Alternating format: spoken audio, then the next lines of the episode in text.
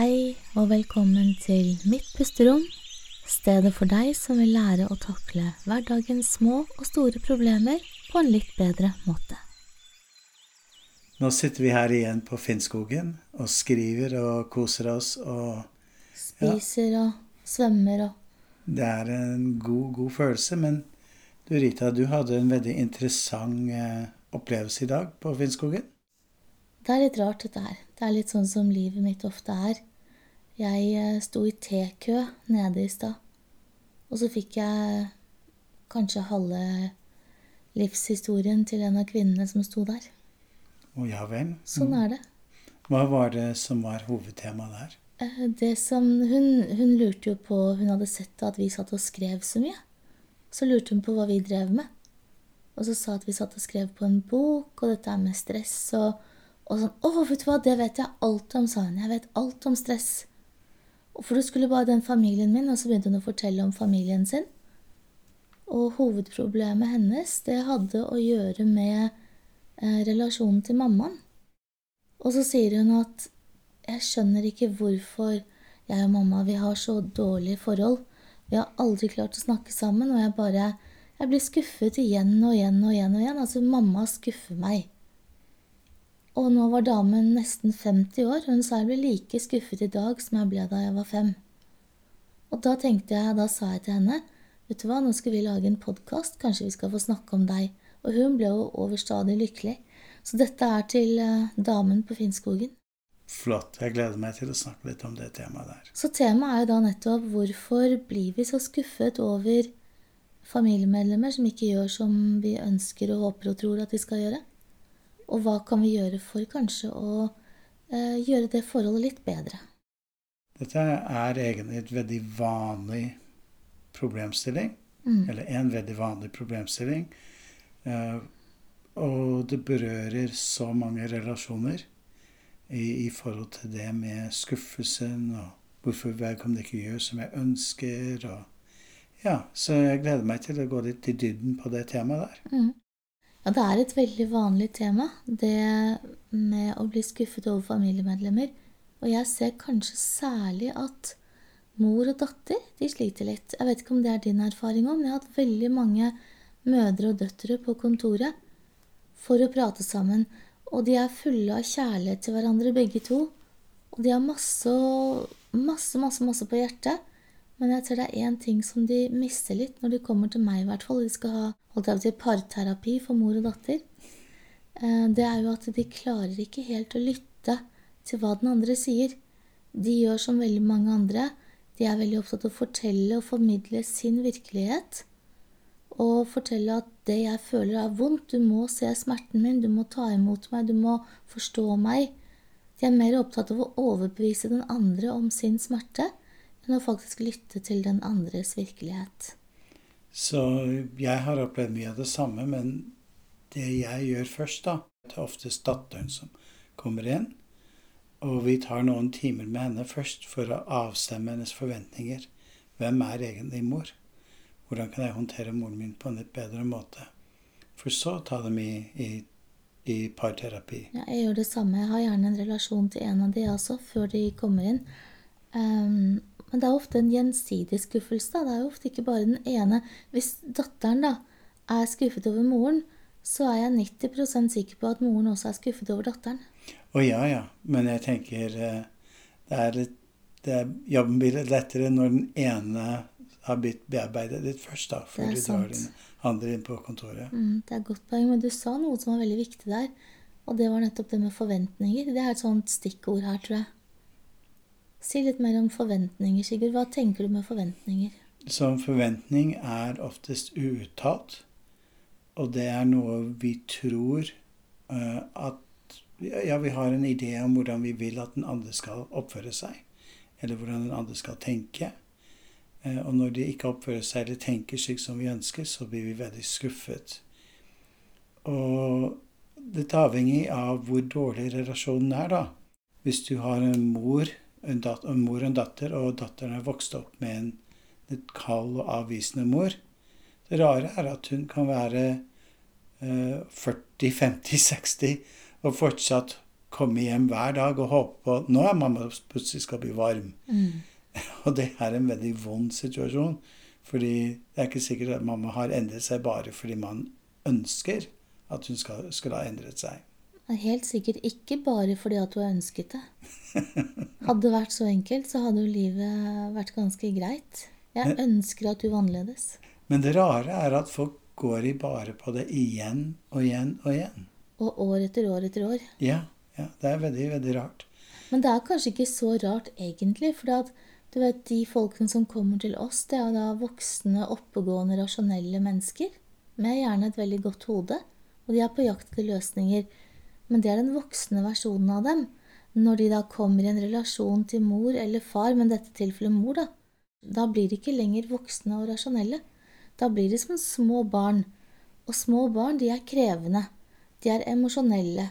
De kan skrike og de kan hyle, og de hører ikke så veldig mye på hva som blir sagt. De bare har en forventning om noe, eller en forhåpning, og så knuser den i tusen knas, og så bare blir de lei seg, og så går de og syns at livet er urettferdig. Så hvis man, så Det er jo det som blir litt sånn, for det er det jeg hører på kontoret, at veldig mange av disse mor- og barn-samtalene handler om og dette er, altså Da snakker vi om mødre på 60-70 og godt voksne barn som har egne barn. Og da sier ja, men kan du ikke liksom bare høre på meg og se meg, kan du ikke liksom bare ta hensyn til meg, kan du ikke behandle meg som en voksen? Og da smeller jaggu meg 70-åringen tilbake, ja, men da må du begynne å oppføre deg som en voksen, da. Jeg skal behandle deg som en voksen når du oppfører deg som en voksen. Så det interessante det du påpeker her, Rita, er at veldig oftest folk har det jeg kaller for en spontan regresjon. Mm. De er ikke den voksne jeg i møte med mamma. Og vi ser at en trauma trenger ikke være noe som har skjedd deg, men det kan være noe som ikke har skjedd deg. Det du ikke fikk, kan være like traumatisk. Ja. Og da tenker vi da her at Og disse, disse mødre Du har liksom den gamle mor, og så har du en, oftest den mor som er i 40-årene, som har egne barn. Og stiller du, stiller du henne et spørsmål, så vil hun si «Eh, jeg har fått veldig harmoniske barn, fordi jeg gjorde bare det motsatte av det mamma gjorde med meg. Mm. Så det, det virker som de fleste mennesker har et slags instinkt i seg. Hva er det jeg trenger? Hva har jeg gått glipp av? Og, og det instinktet kommer veldig tydelig frem. Eh, og, og, de forstår ja, jeg fikk ikke så mye kos og klem av mamma. Da skal jeg gi masse kos og klem til mine barn. Mm. Eh, og, og det, er liksom litt sånn underlig hvor det kommer fra. Men jeg tror det er sånn instinkt i oss. Og det som du sier òg jeg, jeg ser det mange ganger når disse da, la oss si 40-åringene, da, får egne barn, eh, og som er tenåringer antagelig. Og så Man elsker jo barnet sitt uansett hvordan Når du er lite, du elsker jo barnet ditt selv om det bæsjer på seg og du står opp ti ganger om natten. Du elsker barnet ditt selv om du kommer full hjem som tenåring lenge før du skulle drikke. Du elsker jo barna dine øh, ubetinget. Utvilsomt. Og da kommer ofte den konflikten der, ser jeg, kommer ofte opp hos da disse 40-45-åringene. Fordi de elsker barna sine på en måte som de selv hadde ønsket å bli elsket. Og så blir det så innmari sårt at de ikke fikk det hos mor eller far, da. Ok. Det er det jeg ser ofte. For, for veldig mange av disse 40-45-åringene er veldig gode mødre. Men de er det blitt på tross av. Men de har hatt en bevisstgjøring, da. De har hatt en bevisstgjøring om at jeg har aldri blitt tatt opp på fanget og kost med. Da skal jeg jaggu meg gjøre masse av det. Men igjen, dette er den voksne tilnærmingen til egen barneoppdragelse. Og som du helt riktig sier, når de kommer i møte med mor, og det er en litt sånn La oss si det kan være jul, det kan være en bursdag, det kan være et eller annet. Så, så kan de ha en liten regresjon, og da blir de som små barn igjen. Sånn morsomt eksempel. Jeg hadde en som Hun er vel nå Hun nærmer seg vel 50, kanskje? 45-50. Hun har en mor på et sykehjem. Og moren begynner vel å Hun har hatt en del fysiske plager, men hun er også begynner å bli ganske dement. Hun er ikke helt dement, hun snakker relativt klart og tydelig, men hun har sånne Plutselig så er hun helt vekke. Og så gikk hun og besøkte mammaen og kom med blomster og sjokolade, sånn som hun ofte gjør på søndagene. Og så reiser mammaen seg opp og sånn Hei, da kommer du, jenta mi, liksom, og gratulerer med dagen. Og dette var liksom sånn ca. seks måneder fjernt fra hennes bursdag. Og jenta bryter helt sammen. For sånn eneste gangen mamma har sett meg i øynene og sagt gratulerer med dagen, eneste gang hun har vist glede over det, når hun mistet datoen med et halvt år. Og da ble hun som en liten unge igjen. Så hun begynte å storgråte, satte fra seg blomsten og sjokoladen og løp ut. Og så ringte hun meg på en søndag og sa jeg orker ikke dette her. Mm. Jeg klarer ikke å dra til henne, for nå prøver hun å gi meg det jeg har ønsket å få hele livet, men nå er det, det er for lite for seint. Ja, det er veldig trist. Og det er, det er mange sånne triste historier. Så hva kan vi gjøre for noe, da? Hva kan vi gjøre for disse menneskene som rett og slett blir som små barn i ønsket om å bli sett av sin mor eller far? Det er kanskje litt lurt å forstå at eh, mamma antageligvis har en eller annen eh, personlighetsforstyrrelse. Som fordi de, Eller at hun sliter med en eller annen trauma som kommer i veien. Dette hørte vi veldig mye på for noen år siden. Eh, de som overlevde krigen, f.eks., Mm. har hatt mødre som har vært ganske forstyrret etter krigen. Eh, og så ser vi også at det oftest går i generasjoner. At eh, en kald bestemor som var kald mot sin datter igjen, som igjen er kald mot neste generasjon. Så det virker som den folkeopplysningen som har skjedd i den senere tid om hvordan barn skal oppdras, og hvordan skape en ideell barndom, funker. Fordi mange av disse mødrene nå i dag da prøver å unngå de samme, de samme fellene. Du har også mødre som de gamle mødre som har vært fanget i som regel alkohol. Eh, og så har vi kanskje nå nylig barn som kommer til oss som er født på 90-tallet, hvor mødrene har vært også litt andre typer rusmisbrukere. Så det, det første er å, å, å, å tenke, du som voksen, hva er mulig grunnen til at moren min er så kald og avvisende? Eh, og jeg oppfordrer ikke folk til å lage en diagnose basert på en podkast, men vær litt ydmyk for at, at som regel eh, det ligger en, en veldig vond fortid bak.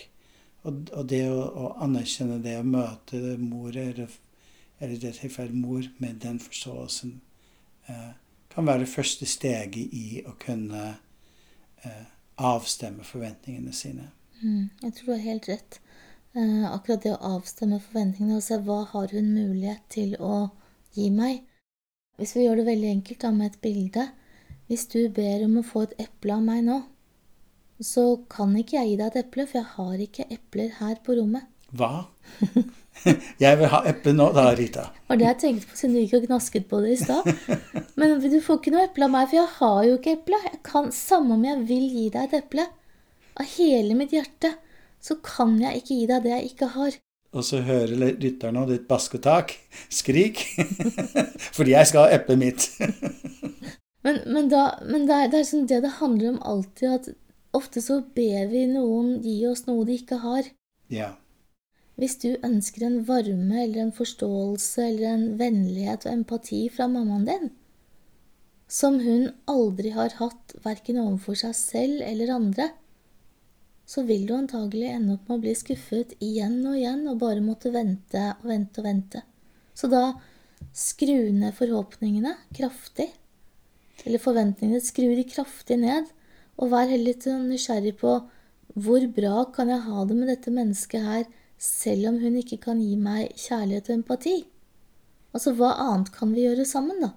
Har hun en verdens beste fårikåloppskrift som dere kan bonde over den? Dere kan stå og prate om noe, dere kan kanskje stå og snakke litt om noen andre familiemedlemmer. Kan dere være enige om noe annet? Er det et eller annet du kan føle deg litt nærmere mammaen din med? Jeg er så opptatt av at vi ikke skal tenke så mye på hva vi kan få til enhver tid, men hva vi kan gi. Så hva kan du gi mammaen din for at hun skal komme litt nærmere disse gode, varme følelsene, da? Jeg vil jo påstå at det å være vennlig og empatisk og sånt noe, det, det er ingenting som hindrer deg å være vennlig og empatisk overfor mammaen din, selv om hun ikke er det med, mot deg. For det, hvis dette her springer ut fra kjærlighet som en grunnfølelse, så vil den kjærligheten være den, eh, den, har så mye den, Det er en full følelse. Det er en følelse som du gir kjærlighet, og du får kjærlighet tilbake. Og hvis ikke du får det tilbake, så er det også helt ok. Men det lille barnet i den uh, damen, mm. eller noen ganger menn, da, vil da tenke når de hører på deg Ja, men. Ja, mm. ja, men jeg vil ha kjærlighet. Ja, men jeg trenger den varmen. Jeg Mm. trenger den kosen. Ja, men jeg trenger den bekreftelsen. Hva sier du til det, da? Har du to armer? Kan du klemme deg selv? Kan du be om det du trenger fra andre? Er det mulig å få det fra andre? Det er tilbake til denne reality check, altså. Hvis du ber meg om epler som jeg ikke har, så kan du aldri få det. Så da må du først opp i metaperspektiv, og så må du se hva er virkeligheten? Hva er det du aldri kan få? Og da må den store, voksne utgaven av deg snakke med det lille barnet i deg. Og det lille barnet i deg vil antagelig skrike og være lei seg og sutrete. Men da må man ta imot de følelsene også, da. I kjærlighet. I vennlighet. Akkurat sånn som en liten unge som sitter og skriker og må roe seg ned før man kan prate til det barnet på en fornuftig og rasjonell måte. Og jeg tenker også at eh, det er nettopp det at du er i kontakt med det savnet, som har gjort deg til å bli en god mor. Ikke minst. At du har brukt det til noe positivt. At det er en at eh, Ikke minst man kan tenke meningen med at jeg vokste opp med en mor som var så kald og avvisende. Mm. Det har gjort meg ekstra oppmerksom på at jeg skal være en varm og inkluderende mamma. Ja, for du vet hvor vondt det er å ikke få den kjærligheten som barn. Ja. Du vet kanskje også hvor ødeleggende det er. Mm. Og det vil ikke du finne på å utsette dine egne barn for. Og det sier så mye om deg som menneske.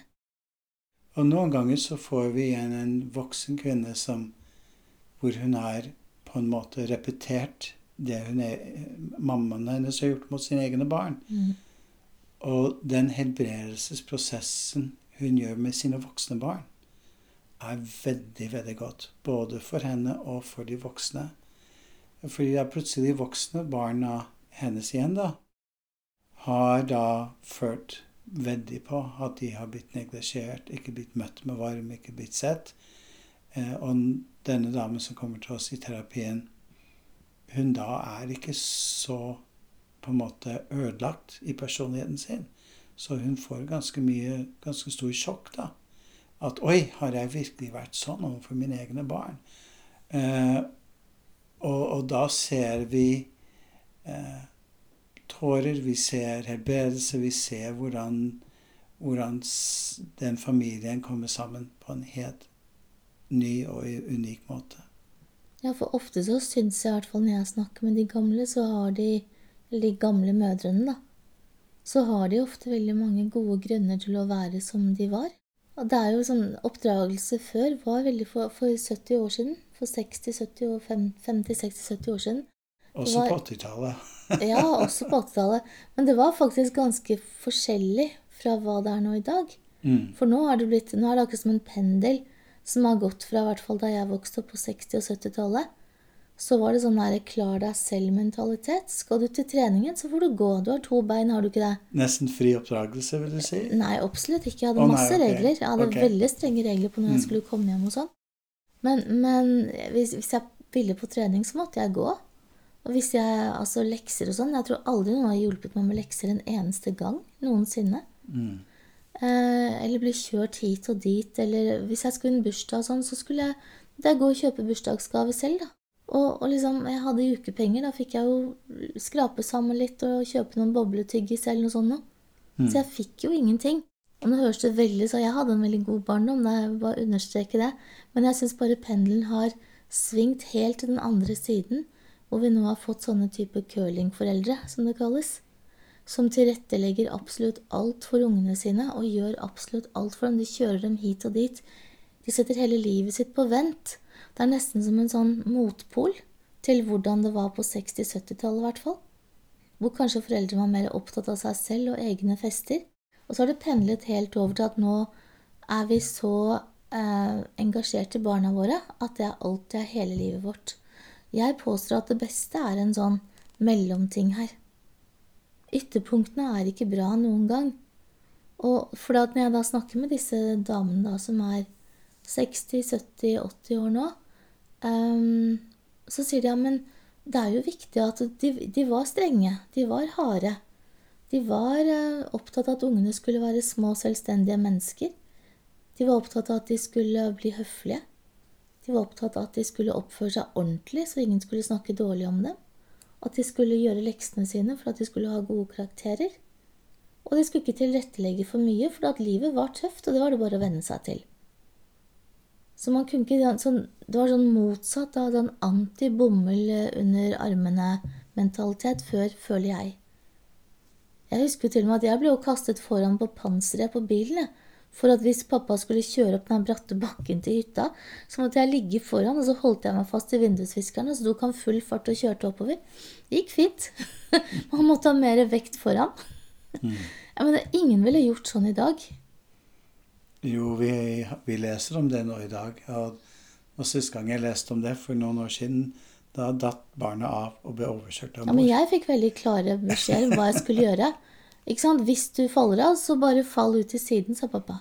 Ja, jeg tror hun mor der sitter i fengsel nå i dag fordi hun drepte barnet sitt ved et, et uhell. Ja, det er grusomt. Ja. Men altså, dette er ekstremtilfellene. Det høres det veldig fælt ut, den oppveksten min. Det var veldig fin. Eh, men, men, poenget mitt er da igjen disse, disse gamle hadde en god intensjon med å være sånn som de var. Og da var de mer opptatt av kanskje dette med etikette, med å være høflig, med å være flink på skolen. De var mer opptatt av å preppe barnet for at det skulle ha det bra ute i verden, enn å sitte og snakke med det om emosjoner eller ha det på fanget og trøste det og gjøre alle disse tingene. Så her må vi skille mellom en mor som har en personlighetsforstyrrelse, mm. og en mor som på den tiden fulgte det som var normen i samfunnet. Og oftest de har vært litt kalde og avvisende, men ikke fordi de selv har slitt med noe. Men det var sånn det bare var den gangen. Og så kommer de til oss nå i dag som godt voksne damer med godt voksne barn. Eh, og forstår ikke hvorfor de blir avvist av barna sine. De forstår ikke hva er problemet. Og som jeg sa tidligere, det er veldig rørende å se hva vi kan gjøre for de familiene når vi varmer dem opp, da, rett og slett. Og den oppvarmingen handler rett og slett om å få begge partene til å se hverandres virkelighet. Og se at det ligger en veldig positiv, en positiv intensjon bak det. Mm. Fordi da ofte så er det jo da datteren som kommer til oss og spør kan du være så snill å få et bedre forhold mellom meg og mamma. Og jeg tenker at når jeg Av og til så kommer det veldig motvillige mødre ned dit, på, ned på kontoret vårt. Og en av de tingene som jeg tenker, er at jeg sier alltid til den gamle at vet du hva, det at hun har dratt deg med hit, da Det handler om at det ligger masse kjærlighet bak det. Hun lengter etter å få et bedre forhold med deg. Det er fordi hun er glad i deg. Og det er sånn Å ja. Ja, det er ikke bare for å være slem, liksom. Det er ikke bare for å ta meg. Nei. Hadde hun bare villet tatt deg, så hadde hun ikke betalt penger for å gå til en terapeut for å få ryddet opp i deg. Da hadde hun stått hjemme på kjøkkenet og skreket til deg og fortalt deg akkurat hva hun mente. Men det at hun setter seg ned, gjør seg sårbar, kler seg litt naken, ikke sant, emosjonelt, og forteller hvor vondt det har vært som liten, det er jo en kjærlighetserklæring i seg selv, tenker jeg. Jeg er helt enig. Og det starter en veldig, veldig fin prosess. Mm. Ja, når du tar en mor som viser motstand og ikke ønsker å være der, og du omdefinerer det til å bli en kjærlighetserklæring fra datteren, det er en veldig kraftig start på en, på en intervensjon som kan lede til en helbredelse i familien. Men jeg vil gjerne understreke at dette funker kun for mødre som vi mener ikke har en eller annen form for en personlighetsforstyrrelser. Og hva, hva slags personlighetsforstyrrelser mener du kan ha en dårlig effekt på ungene? Ja, det er en, en narsistisk mor. Narsissistisk, ja. ja mm. Som ikke ikke ser og, Og det er det som er kanskje fellestrekk med alle disse mødrene. en mor som er eh, rusmisbruker, hvor eh, Mm. hun er mer lojal mot bunnen av en flaske eller pille, pilleboks enn hun er mot barna. Og kan jeg bare skyte inn en ting der, for jeg påstår at alle som da ruser seg, de, er, de har et så stort smertetrykk inne. Det sier noe om smertetrykket de har innvendig. Mm. Og det sier noe om at de har det så vanskelig, at det, de er så fulle av sin egen smerte, at de ikke har plass til andre. Det er ikke plass til mer, og i hvert fall ikke andre menneskers smerte. Det går ikke. Det er ikke som en vannglass som er fullt. Du tar på én dråpe til, og så renner det over. Ja, enig. Mm. Så, så, så mødre som faller inn for den kategorien der, da mener jeg det er best for mor, den, den yngre moren, da, til å, å øh, ha du, Vi snakket om dette i stad, om forskjellen mellom forventninger og forhåpninger. Jeg syns det var veldig uh, vettug. Så kanskje du kan utdype litt hvor, hvordan det er best å avstemme hennes forhåpninger, da, hvis vi kan si det på den måten. Ja, for jeg liker å skille mellom forventninger og forhåpninger. Jeg tenker at vi kan ha en forventningsavklaring på jobben. Eh, Vi kan sette opp en arbeidsliste. Hvem gjør hva, når og hvor, og hvorfor og hvordan. Man, er enig om noen ting. Det er noe som er sagt høyt, det er noe som man har liksom tatt hverandre i hånden på og blitt enige om. Det er en forventning. Og da kan man selvfølgelig eh, da, Hvis du sier noe til meg, så forventer jeg at da gjøres det innen den, den tiden. Men hvis jeg går rundt og har en forhåpning om at du skal forstå at jeg er mer sliten enn det jeg sier, at du skal forstå at jeg egentlig ikke har lyst til å prate om dette, du skal forstå at jeg et eller annet, uten at jeg har gjort noe for å uttrykke det, bare sittet inni mitt eget hode og hatt det vondt, og så håper jeg eller tror og rett og slett bare ha en forhåpning om at du skal se min smerte mens jeg samtidig gjør alt jeg kan for å skjule den. Og det er det som veldig ofte skjer. For at vi tar på oss en rolle i forhold til våre nære, at vi later som om ting er bra, når det egentlig ikke er det. For da kommer det alle mulige sånne rare for unnskyldninger. Ja, men det er ikke riktig tid, og det er jo god stemning, hvordan skal vi ta opp det nå? Eller nå er det dårlig stemning, skal vi i hvert fall ikke ta det opp. Eller nå er det for sent på kvelden, og nå er det for tidlig på morgenen. Altså, når i all verden er det det egentlig er ok å ta opp og snakke om de litt vanskelige følelsene, da? Jeg liker ikke å si vonde følelser, jeg sier vanskelige følelser. Og i hvert fall både vonde og vanskelige følelser er noe som folk bruker mye tid og energi på å skjule. Og da kan vi ikke samtidig gå rundt med en forventning eller en forhåpning, da, for det er snakk om følelser. Vi håper at noen skal se oss når vi gjør, det, vi gjør oss så usynlige som mulig. Ja, det, det kanskje har sin uh, røtter i barndommen. Hvor mm. et barn som ikke har så mye språk, er helt avhengig av mor eller far skal følge med og se dem. Så man lever med en forhåpning om Og da er vi tilbake til det vi snakket om i stad, en, en form for spontan regresjon hvor du sitter der og virkelig håper nå, Når er det mamma kommer og trøster meg? Når vil hun endelig se at jeg har det vondt? Eh, og den, den, dynamikken der, hvor, hvor, du på en måte forventer at noen skal lese tankene dine, lese følelsene dine, den eh, Og hvis mamma har aldri gjort det tidligere, hvorfor i all verden skal hun plutselig forstå det nå? Jeg er helt enig med deg, og jeg ser jo også da mange de barna som har kanskje vært i barnevernssystemet. Eller barn som jevnt over bare har det Altså, det å være ungdom er tøft. Men særlig da de i barnevernssystemet. De trenger jo rammer, og ja, de trenger mye. Det er en egen podkast. Det er mange podkaster i seg selv. Men, men det, i denne settingen så har jeg lyst til å si at der har de en forventning, en negativ forventning, om at de voksne rundt kommer til å svikte.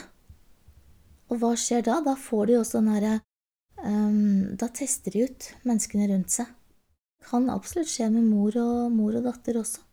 Eller jeg har sett noen ganger at de har hatt en bedre periode, men så har ikke barnet, som da kanskje har vært litt avvisende i tilknytningsstilen, har ikke vært helt trygg. Så da tenker jeg ja, hun har stilt opp to ganger. Tror ikke hun gjør det tredje gangen, så nå skal jeg teste henne. Så nå skal jeg sette meg og søsteren min opp imot henne, se hvem hun velger. så velger da Det har skjedd faktisk, og valgte da denne kvinnen, hun var jo over 30, så valgte hun å feire sin bursdag på samme dagen som hennes lillesøster, sånn at mammaen måtte velge hvem hun skulle gå til. Så tok hun da bare Men det, hun valgte da en det var, det var en uke i forskjell, men hun skulle bare teste mammaen, da. Og så lagde hun en historie om at hun skulle reise bort på jobbreise, hun skulle ha den og den lørdagen, som var samme som lillesøster, men hun ville ikke ha det på samme sted, hun ville ha egen bursdag. Okay. Så 35-åringen ble da Du må velge meg eller søsteren min. Så ikke sant, helt regresjon igjen. Og dette er å sette Det er fordi hun har negativ forventning om at mammaen kom ikke til å velge henne, og det gjorde hun heller ikke. Og da var det på en måte det lille de hadde begynt å bygge opp, da, at tillit, det raste jo med en gang. Så det er så viktig å tenke på har du positive forventninger til andre? Har du negative forventninger? Eller det som kalles biases. Mm. Det er kjempespennende tema. Det å ha en forventning om hva du tror kommer til å skje, eller andre skal gjøre. Og for å vite det, så må vi gå oss litt i, vi må gå litt i oss selv. Og kjenne litt etter hva er det? Hva håper jeg på? Og hvorfor håper jeg på det? Og ikke minst, hvorfor er det så viktig for deg å få det du håper på? Det syns jeg er spennende. Hvorfor er det så himla viktig? Jeg tror at uh, Som vi snakket om i stad, at en trauma kan også oppstå med noe som uteblir. Og når du ikke har fått den kjærligheten og den nærheten og den tryggheten, så vil du ubevisst søke relasjoner eh, som, som, fortsetter å ikke gi deg det du, du trenger, mm. men i håp om at den personen du er nå i en relasjon til, som har liksom samme profil som mamma, eh, og noen ganger far, eller oftest også far, det kan gjelde, da ender opp kanskje med en livsledsager, en partner, som, som gjentar det mønsteret som, som du ubevisst går inn, inn, i en relasjon med. Det er jo så klassisk. Og det er så enkelt, for det er trygt. Derfor er det kjent. Men jeg tror det også ligger sånn instinkt i at hvis jeg kan bare få den partneren til å se meg, forstå meg, elske meg, mm. da blir jeg hel. Jeg tror det ligger sånn, sånn slags instinkt i oss. Og det er, det er, det jeg kaller for karma. Inntil du forstår dine mønstre og, og da er, du, da er, du, dømt til å gjenta dem igjen og igjen og igjen. Mm. Inntil du endelig trekker lærdom av det. Det er en av klientene mine som har blitt slått ganske kraftig av mor opp gjennom mange, mange år. Hva tenker du om det? Hva gjør det med en lite, liten barne, barnesjel og kropp? Hun ble slått fra hun var fem-seks til hun var nesten tolv. Så det, det kommer an på hvordan omstendighetene er. Fordi eh, det er mye verre å bli slått av en mor hvor det er helt uforutsigbart. Mm. Eh, men hvis denne barna som barn forstår at 'nei, jeg skulle ikke tatt pengene og kjøpte is', 'nei, jeg skulle ha redd opp sengen', så de kan på en måte lage en slags forklaring om hvorfor, eh, da er de slagene eh, eh mindre skadelige, på en måte, enn mm. en mor som bare plutselig begynner å slå uten at du helt forstår, forstår hvorfor. Vi hadde faktisk en nabokone en gang, vi. Jeg husker eh, hun sa til min venninne da, den gangen Så sto hun eh, Hun var en ganske stor dame. Brukte sånne svære lærbelter til mannen sin. Når min venninne hadde gjort noe galt, så Det hendte jo at vi gjorde sammen. Så begynte hun å kneppe opp i beltet. Og så sa hun 'Må jeg ta av meg beltet?' sa hun, så så hun på henne. Og da nei, nei, nei, unnskyld, unnskyld, unnskyld, mamma, ikke sant. Så da var det trusselen om potensiell avstraffelse. Hun hadde aldri blitt slått, men det var bare trusselen. Så, for hun hadde det jeg husker hun gjorde en gang. Hun tok av seg beltet, og så smalt hun det hardt i det mahognibordet. Og det smalt jo så hardt. Så da, da, var det ingen av oss som gjorde noe galt. I hvert fall ikke som hun så det. Gjorde masse galt etterpå, men det var uh, utenfor hennes syn. Og da smiler du fra øre til øre? Når du... Ja, men det er jo litt gøy, da. Det er litt sånn det gikk bra. og det, det, er vel en annen ting som jeg tror jeg har lyst til å si også her. Fordi da jeg snakket med denne kvinnen her nede nå i stad, så var det jo slående å se hvordan hun henger seg opp i alt det som faktisk har gått galt da, med mor, og alt det som er vanskelig med mor. Og det er jo så ofte, sånn som det kapitlet jeg driver og skriver om nå også, dette her når verden raser man er i krise, når det er krise rundt det. Um, hvordan velger du å se på det? Hvor stort velger du? Velger du å gjøre det? Hvor mye har du lyst til å fortsette å traumatisere deg selv fordi at du har hatt en mor som kanskje ikke var der? Uh, du, er det noe moren din du kan like? Kan det komme noe som helst godt ut av det? Jeg spurte hun nede i stad om det. Uh, så sa hun nei, jo, eller ja, jo, så begynte hun å trekke litt på det. Så sa jeg hva er det du tenker på nå? Nei, altså, jeg fikk jo en del millioner, da, som jeg kan reise opp hit så ofte jeg vil. Så hun har fått forskudd på arv og masse millioner. Så hun kan dra opp hit på Finnskogen og kose seg så ofte hun vil. Eh, det er et lite plaster på såret. Ja, det er et lite plaster på såret. Og igjen så, så tenker jeg det er Og hun har sikkert fått penger så hun kan bruke terapi hvis hun trenger det.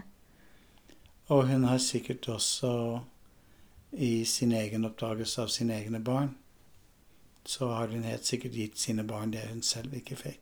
Så det er viktig å fokusere på det istedenfor det man har tapt eller ikke fått til.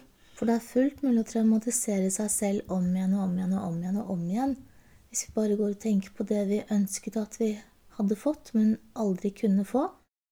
Og dessverre så fins det jo ikke noe sånn tid at vi kan gå tilbake og skru om klokken. Og gå 40-50-60 år tilbake i tid.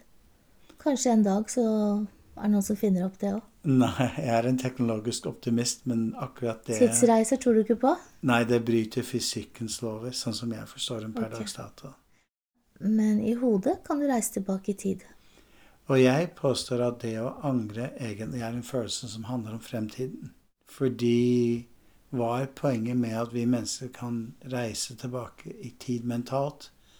Eh, hvorfor skal vi kunne det? Fordi vi får ikke gjort det på ordentlig.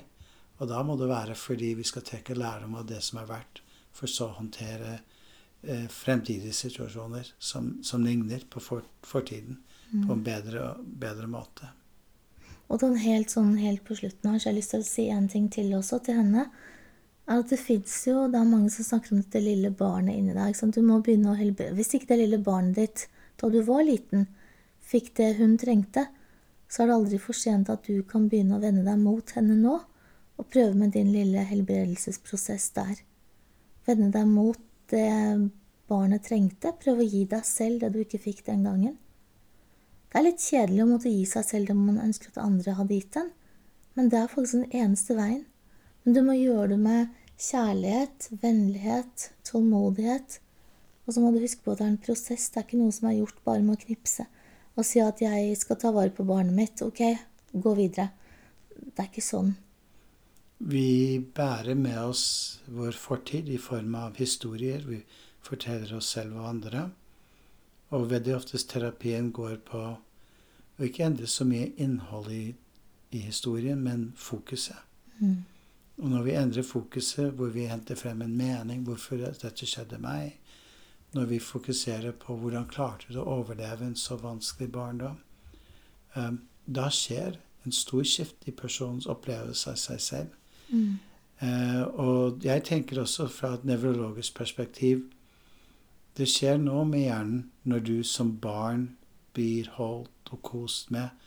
Du har litt flere nervetråder å spille på, litt flere, en bedre hjerne, en hjerne som opp, er mer oppkoblet, som gjør det lettere å ha litt sånn kontroll over eget følelsesliv og ha litt bedre litt selvinnsikt enn en som ikke har fått det. Men mye kan repareres f.eks. gjennom mindfulness meditasjon, eh, det å lære å reflektere.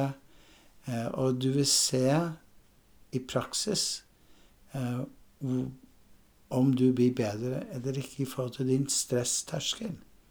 Fordi veldig oftest når vi har vært utsatt for mangel på kjærlighet og nærhet i barndommen, så har vi en litt lavere stressterskel enn en som har hatt mye kos og klem. Det er selvfølgelig store individuelle forskjeller her, da. Men som regel, jo mer kos, klem, nærhet du har hatt, jo mer robust er du i forhold til stress. Jeg, kan, jeg også vet at det fins noen unntak i forhold til den regelen der, eh, men, men som regel så er, er, det slik. Og vi kan styrke hjernens evne til å tåle stress gjennom uh, mindfulness meditasjon, terapi, refleksjon, journalskriving, yoga. Uh, alt, som, alt som går inn på å påvirke sinnet på en positiv og kanskje avbalanserende måte. Ja, for alt det du har nevnt nå, handler jo om å um, Hva skal vi si du, du, stopper tiden litt. Da. Det går litt saktere. Du får litt mer Du må gå litt saktere for å få kontakt med følelsene innover. Da kan jo en av de måtene å være på, eller få kontakt med følelsene på, det handler om å puste, blant annet. Da. Å tørre å gå innover og tørre å kjenne. Og akseptere. Her kommer favorittordet mitt, tror jeg. I tillegg til takknemlighet, så er det aksept. For når vi er oppe i det vi er oppe i, så må vi bare akseptere at det er som det er. Og så være, sånn som i dag, eksempel, når jeg har mast med den i armen min. Men den har vært som et sånt brennende liten inferno hele dagen. Og så skulle vi jo skrive veldig mye. Um, og da måtte jeg bare akseptere at den ikke skrev like fort som venstrearmen. Jeg måtte akseptere at det ingenting hjalp.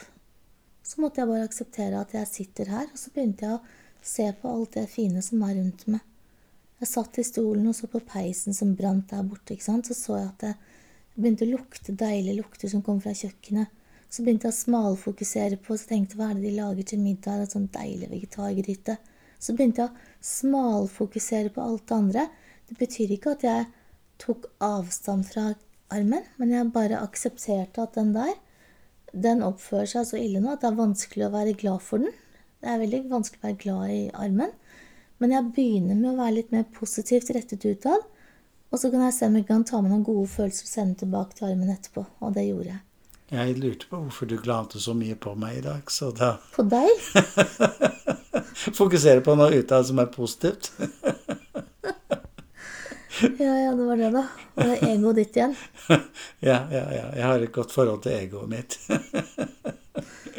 Men i hvert fall Så igjen, aksept er en ekstremt potent følelse.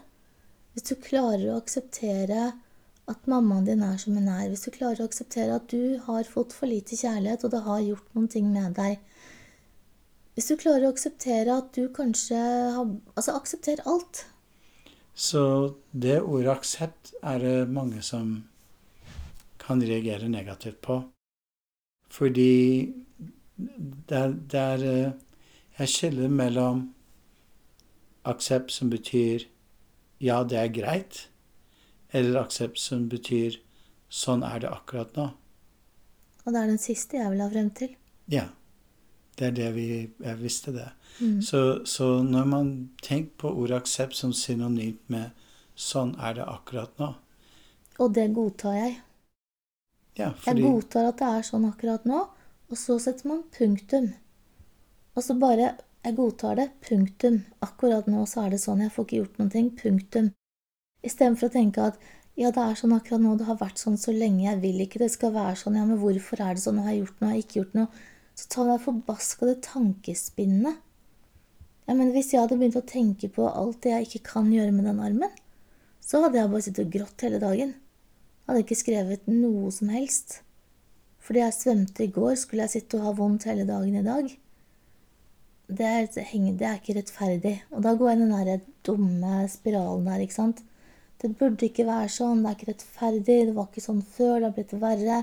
Det er vondt, det er vanskelig. Det er som det er. Så vet jeg at det blir bedre, og så blir det verre, og så blir det bedre. Altså, ting endrer seg hele tiden. Sånn er Følelser det akkurat Følelser endrer seg, og tanker endrer seg. Og det eneste vi kan gjøre, er å velge hva vi fokuserer på i øyeblikket. Og da syns jeg fremdeles at aksept og takknemlighet er veien ut av veldig mye. Jeg er helt enig. Skal vi si at det er veien ut av det podkasten nå. Jeg lurer på det.